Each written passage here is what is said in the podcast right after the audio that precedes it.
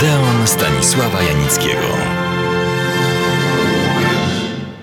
Odnoszę często wrażenie, że jestem historycznym widzem i krytykiem filmowym. To znaczy, że bardzo często widziałem, przeżywałem to, o czym piszę.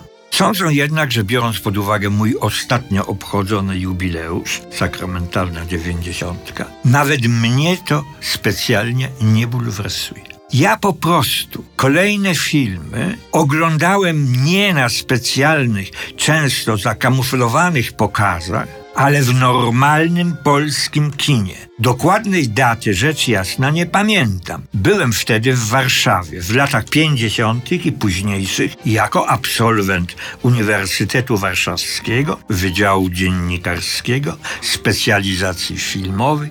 Przebywałem wtedy. Widziałem filmy zaległe, ale i nowe. Jednym z nich, który zrobił nie tylko na mnie ogromne wrażenie, był Ostatni Most Film austriacko-jugosłowiański w reżyserii znanego już wówczas reżysera Helmuta Keutnera. Kiedyś o nim szczegółowiej opowiem. Ale nie on był numerem jeden tego filmu, lecz odtwórczyni głównej roli Maria Schell. Była to wspaniała aktorka, której zasłużona kariera od tego właśnie filmu się zaczęła. Grała ona tu, cytuję, lekarkę pediatrię, która pracuje w Jugosławii w 1943 roku dla Czerwonego Krzyża. Pewnego dnia uprowadzają ją partyzanci, oczekując od niej pomocy. Początkowo czyni to z oporami ale uświadamia sobie, że partyzanci są ludzcy i że w walce o swoje cele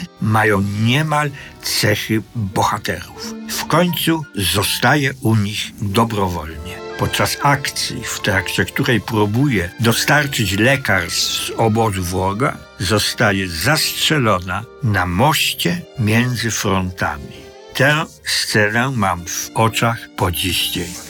Jeden z historyków filmu napisał: Film Helmuta Keutnera ocenia się jako ważny wkład w porozumienie narodów. Wprawdzie inscenizacja określana jest jako zbyt ckliwa, jednak akcja prowadzona jest realistycznie, niepatetycznie i wiarygodnie. Po tym udanym występie Maria Schell otrzymuje oferty poważnych ról od międzynarodowych producentów. Nie wchodząc w szczegóły, Maria Schell urodziła się w 1926 roku w Wiedniu. Była siostrą reżysera Maksymiliana Schella.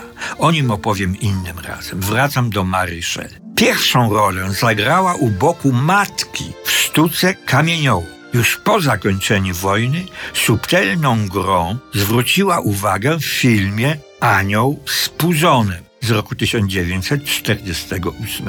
Od 1950 roku grała najczęściej w filmach niemieckich. Grała w nich przede wszystkim wrażliwe, młode kobiety. Przełom przyniosła jej główna rola kobieca w filmie Ostatni Most. Podkreślano, że udało jej się połączyć tragizm z delikatnością.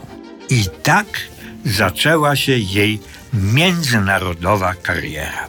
W Europie, a następnie w świecie zasłynęła dalszymi znakomitymi rolami w takich głośnych i cenionych filmach jak Gervaise René Clementa według Emila Zoli, za który otrzymała Puchar Volpiego na festiwalu w Wenecji. Zagrała i stworzyła wspaniałą rolę w filmie Viscontiego Białe Noce według Dostojewskiego oraz w filmie według tego samego znakomitego pisarza rosyjskiego Bracia Karamazów. Grała też w Stanach Zjednoczonych, to znaczy w Hollywood.